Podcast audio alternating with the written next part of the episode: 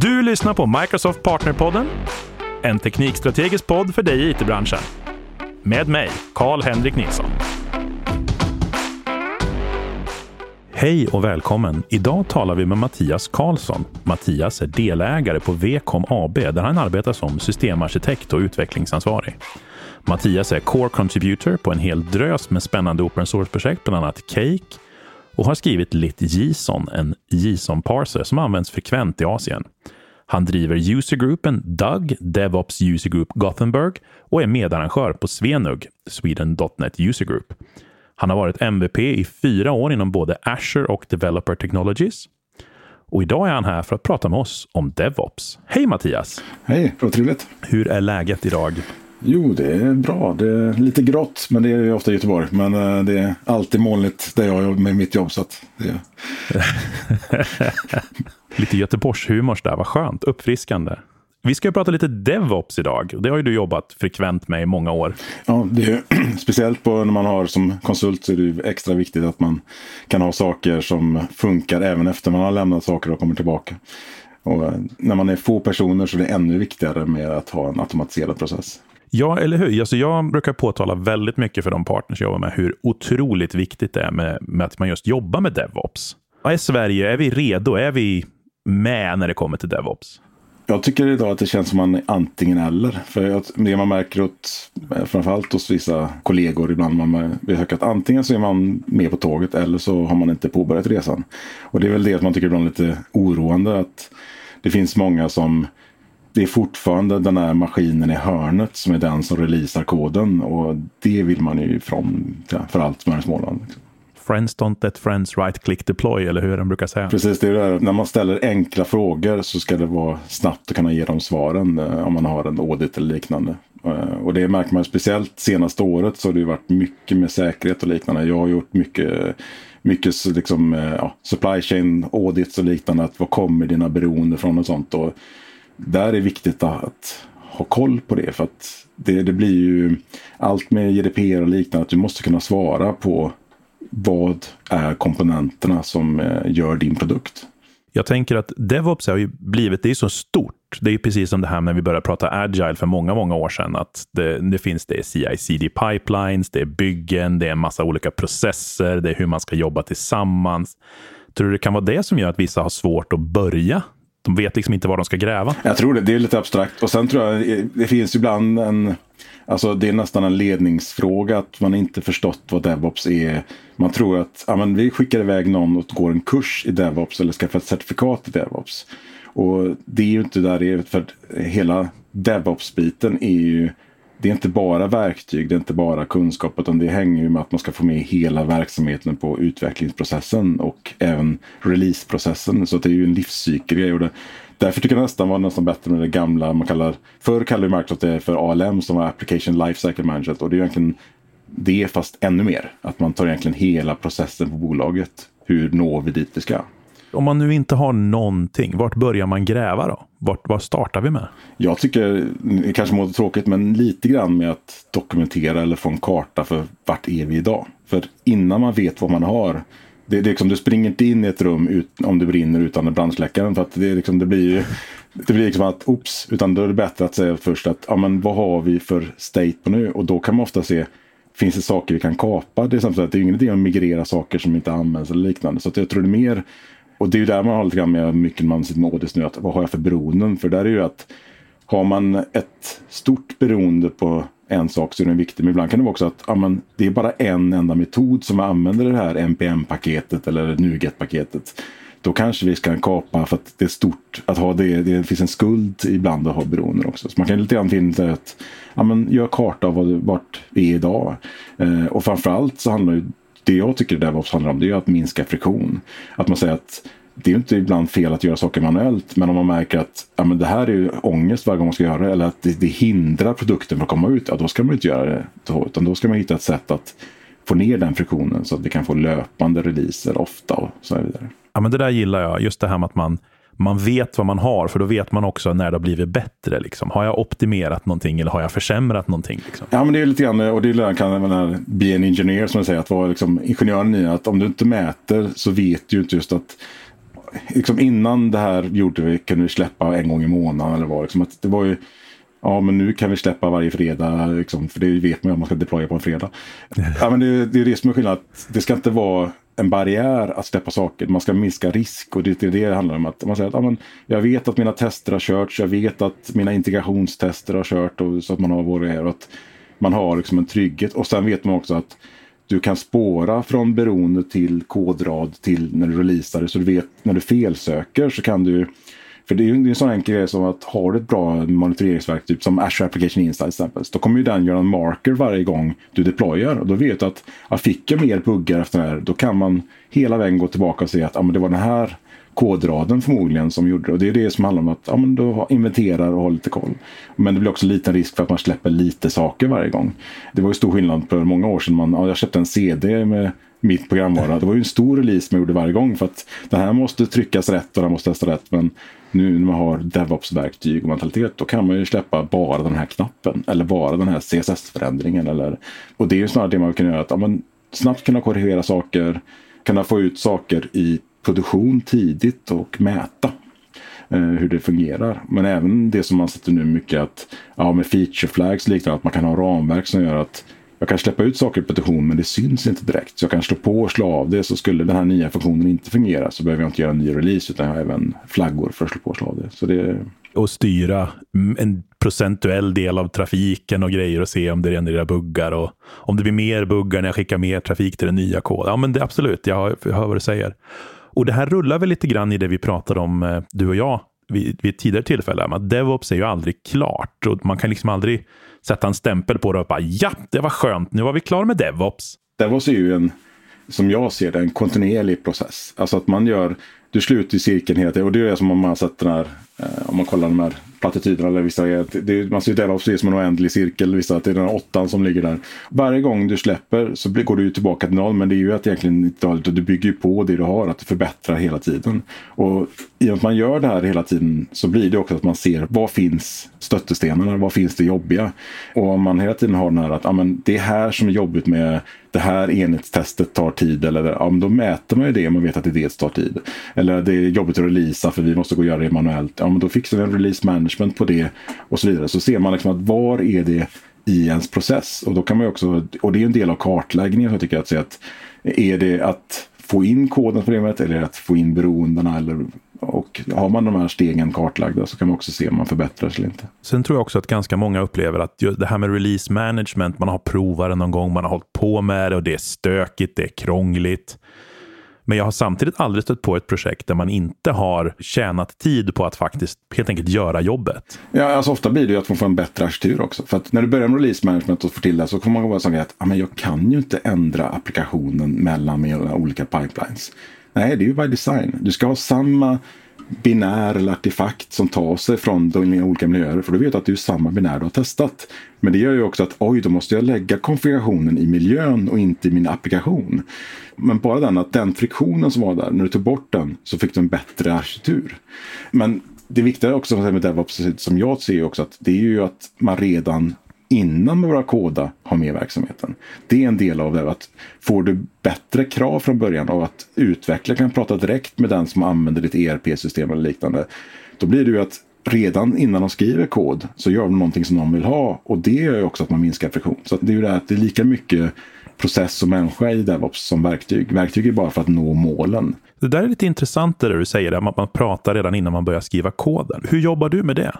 För att få det att funka bra? Ja, alltså det som vissa så enkelt är ju egentligen att man om man kommer en normal agile-process så har man ju en, en enkel att man har någon form av, ja, jag har en startveckomöte och jag har slutveckomöte och så har man kanske dagliga standups. Ja, men ha med verksamheten på första dagen och sista dagen. Så att man har en, en yta där man säger att ja, här kan vi ha en standup där vi inkluderar hela verksamheten. Jag förstår att man inte kan vara med på varje teknisk detalj sen under veckans gång. Men det kan vara en enkel lösning på att ja, men bjuda in verksamheten och ha det här är det vi jobbar med, det här är våra mål. Sen kan det ju vara ibland, man säger rent planeringsmässigt, kan det vara att ja, men, utvecklarna jobbar på veckosprintar och verksamheten på fyra eller fem veckors sprintar. Men lite grann att man måste hitta någonstans där man kan ha den här Speciellt nu när man är mycket remote och liknande, att man kan ha det här runt, runt kaffemaskinsnacket lite grann också. Att, säga att som säljare säger att ja, hade vi bara flyttat den här knappen, ja men det är ju lätt för mig att göra. Och så kan man ju ibland liksom att hitta den här low hanging fruit grejerna också. Att, ja, men helt plötsligt kan du få någon att se bra ut. Eh, eller du kan få minska även så att ja, men alla våra kunder ringer in. Kan, kan du få med supportverksamheten och få en dialog med dem och säga att ja, men alla ringer och klagar på att det är jättekrångligt att söka, spåra upp paket eller liknande. Ja, men vi skickar med en länk i mejlet, ja klart. Så det, det är lite grann det som kan vara också att alla i verksamheten ska ha lite funktion. Det ska inte bara vara att developern har världens bästa enhetstestramverk. Utan det ska vara hela processen i verksamheten ska vara DevOps. Men alltså det där har jag tänkt på flera gånger. Att shit vad viktigt det är att man har de där kaffestunderna och verkligen lyssnar på de här människorna som man jobbar med. Som kanske inte jobbar som systemutvecklare. För de, man kan ju skapa så mycket mer värde kring produkten när man bara får höra det. Precis som du säger, ja, men tänk om man kunde skicka med en länk i det här mejlet. Ja, men det är ju enkelt att fixa, säger någon. Så. Och det måste ju liksom ha respekt för att om man gör ett ERP-system så är det ju ekonomen som har domänkunskapen. Det är ju hans verktyg du gör. Då är det ju han som ska ha låg fiktion. Man får ju tänka in sig i vem är det som använder mjukvaran? Ibland kan det också vara just att man säger att ja, men det finns olika roller. Då kan det vara just att man säger att ja, vi kanske ska ha olika gränssnitt för olika personer. Men man behöver ju ha konversationerna för att nå dit och se vad är behovet jag ska lösa. Och jag tror då kommer det alltid finnas en högre acceptans för att accelerera och göra nya features också. För att om du gör saker som verksamheten vill ha då kommer du vara som utvecklare eller som IT-arkitekt eller DevOps eller vad det nu är. Helt plötsligt har ju du gjort någonting som tillför affärsvärde och det kommer du alltid få hög acceptans för. Och då kan man alltid smyga in andra tekniska roliga saker under vägens gång för att göra det. Men just att om man hela tiden får fokus till att ja, men jag löser ett businessvärde. Då tror jag man kan få en större acceptans i verksamheten generellt.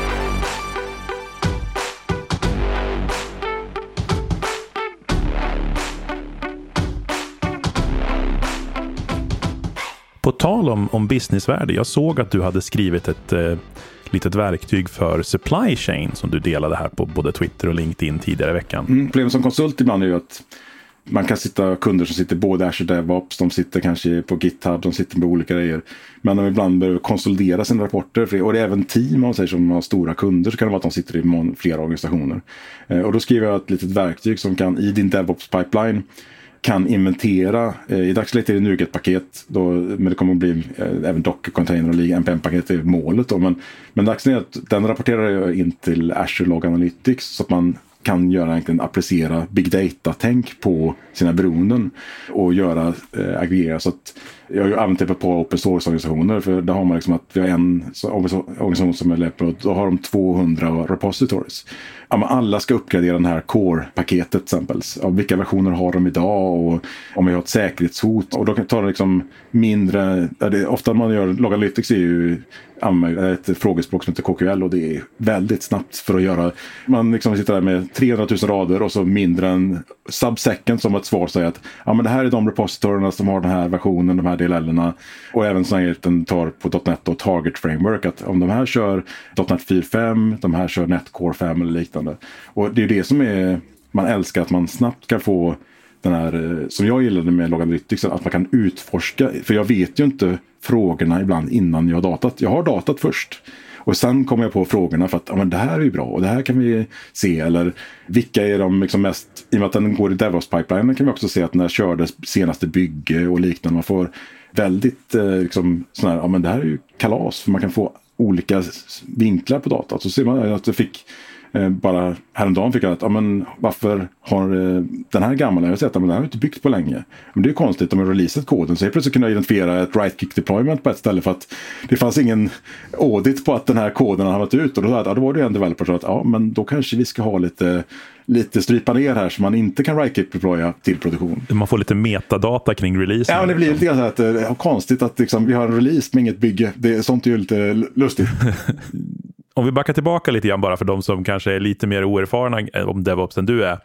Eh, vad är en DevOps supply chain? Alltså, det är väldigt få som bara har din kod i din produkt.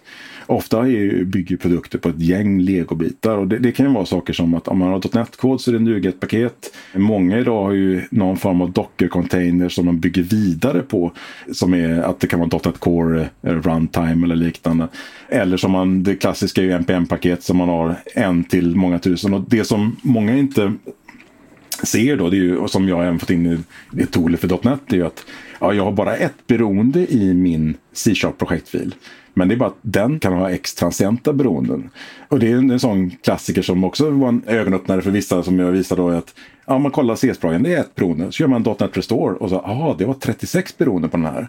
Och det är ju det som ibland att, ja men det är snyggt också att kunna visualisera sig säga att ja, det är bara det här beroendet, men den här enda beroendet som du tog från Nuget eller NPM eller Docker eller det den i sin tur spindlar ut i oändliga beroenden kanske. Och det, det har ju varit väldigt tydligt på JavaScript-sidan eller Node-sidan med NPM-paket som, som ibland kan vara att ja, men den här har bara en funktion i sig och sen har den åtta andra beroenden och den, de har åtta beroenden och så vidare. Och Det kan vara svårt just när man har ett säkerhetsbugg. Du, du ser att ja, men jag ser min c jag har bara den här NuGet-paketet. Ja, men det har ju samtidigt beroende på andra ska ha säkerhetsrisker och liknande. Då. Och det kan vara bra att kunna inventera det för att det är inte alltid man kan köra koden hela tiden och då är det kunna, skönt att kunna göra det offline. Och det är, ett scenario är även att om DevOps-agenten går ner så är ändå min Log Analytics är ju uppe och extern. Och det jag gillat med det var ju också att man behöver inte ge mitt tool rättigheter till pipelinen utan kör i pipeline och har en nätverksmässigt så har den bara en utgående pipa till Log Analytics, inget mer. Vilket gör att det finns ju dels sådana inventeringstool som att ja, men jag ska ge det här toolet rättigheter till alla repos så ska den spinna igenom och så ja, men nej. Utan jag vill ju veta vad den aggregerar och bara skicka det som eh, har med det här att göra. Låter ju faktiskt jättefantastiskt. Jag undrar om inte det är en och annan säkerhetsexpert som sitter och är lite fundersam på om inte han måste installera det här toolet nu. Och sen finns ju, kör man gitarr finns ju Dependabot inbyggt och sådana grejer. Men det är just att det är en sak att ha det repo för repo, men helt plötsligt så sitter man på lite större bolag så har man 300-400 repos, ja då behöver man ha något lite kraftfullare och då jag har nästan blivit en sån osund kärlek till KQ eller Cust Query Language som det heter. Det, för att det är så väldigt snabbt på saker som man normalt sett har man lärt sig, har jag gjort det här i en SQL-server eller liknande så har det gått väldigt långsamt. Sen är det visst det är en liten prislapp på vissa grejer men det har ju med hur mycket data jag skjuter in, det är ju det som är kostnaden egentligen det, och hur länge jag behåller det. Jag tror just det där man säger, ja, men det är en prislapp på det här och det, det kostar att köra och så vidare. Fast jag undrar om man egentligen tänker på hur mycket tid man annars spenderar själv framför datorn med att försöka lösa de här grejerna eller få fram den där logginformationen från system D, liksom, eller vad, vad man nu kör för någonting. Ja, men det är bara att se att typ, om jag listar filer rekursivt i min lokala disk tar ju längre tid än vad det tar att köra den här frågan på eh, Logalytics. Så bara det är ju, men säg att jag är väldigt snabb. Om jag skulle öppna alla CS-profiler som finns och titta igenom dem så skulle ju ändå det ta lite tid. Och Dessutom är det viktigt att det körs i pipelinen så det är faktiskt den koden som har deployats och inte på min disk. För ibland är ju folk glömmer checka in filer eller liknande. Så det är viktigt att man kollar på rätt ställe när man mäter saker. Det är A och sen just det här som jag älskar med allt när man pratar om automatisering av olika saker du kan ju faktiskt försvinna ur projektet. Och den här rapporten kommer ju fortsätta finnas och köras och existera. Och det är ju blivit som förkärlek som man inte tyckte när man var junior i utvecklingsgruppen. Men dokumentation har blivit viktigare och viktigare. Och det är också en grej som minskar friktion. Att är dokumentationen jobbig att skriva och att man känner att det är en stöttesten, då blir den inte gjord. Och då får man hitta sätt som, eh, vi har jobbat mycket med, liksom, med automatiserad dokumentation. Att man säger att .NET Assemblies är det ingen idé att någon dokumenterar för hand. Det är bättre att man spinner igenom dem och dokumenterar upp dem som ett verktyg. Eh, och så där använder vi ett verktyg som heter Static som är ett open source-verktyg som gör en statisk site. Men även saker som Azure-infrastruktur, ja men det finns ju CLI-verktyg och liknande. Du kan direkt i portalen ta alla resurser som en CSV-fil om du vill. Alltså det finns ju sätt att få ner det i data. Och det tror jag är stora grejer med att ju mer datadrivet du kan få saker, allt från beroende till dokumentation, då kommer det göras och det kommer up to date.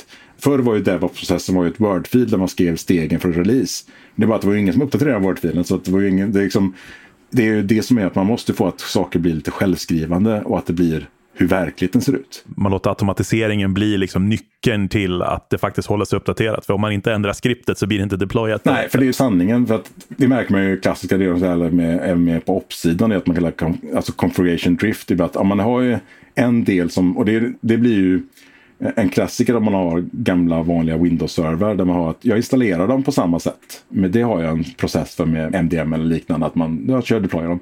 Men sen efteråt så hanterar man allt. Och då blir det ju en drift med vad man tror de är och verkligheten.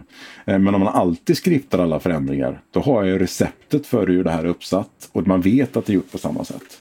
Och det är ju samma om du gör release-dokumentation. Har du ett skript som releasar det så är ju den sanningen. Men har du ett Word-dokument så har du ingen aning om det har efterlevts eller inte. Ja, det är spännande. Jag tror det är många som har fått lite att tänka på.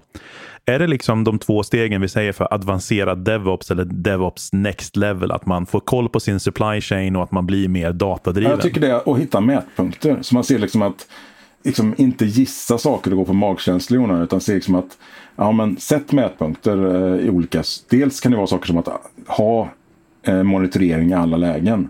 Både när koden är i drift eh, med saker som Azure Monitor och App Insights eller vad det nu är, New Relic eller vad nu kör. Men även ha verktyg för att monitorera stegen innan. För det är ju viktigt också, tycker jag, när man kommer till möten och säga att ja, men hur lång tid tog det från att featuren eh, önskades till att den blev klar? Det är också saker som kan vara viktigt att mäta för att säga att Ja, men det kan ju vara att den här kundgruppen har vi glömt. För det är en klassiker att det, det är som den där med när doktorn gör triage eller på akutrummet. Att det, det är ju inte den som skriker högst ibland som kan vara den viktigaste. Men det är ju oftast med, med hur man prioriterar sina features. Det är oftast den som skriker högst som får sina features först. Och då kan det vara just att man missar hela kundgrupper eller hela avdelningar. Så jag tror det är viktigt att mäta. För det är så enkelt att säga att ja, men i DevOps har jag möjlighet med, med Azure DevOps exempels. Så har man, ju, man kan tagga upp sina items, man kan ha en board, man kan säga att det här är den. Och så kan man mäta även hur lång tid gick det. Och då får man ju helt plötsligt en helt annan dialog. Man säger att ja, men vi ser att den här gick från A till Ö på den här tiden.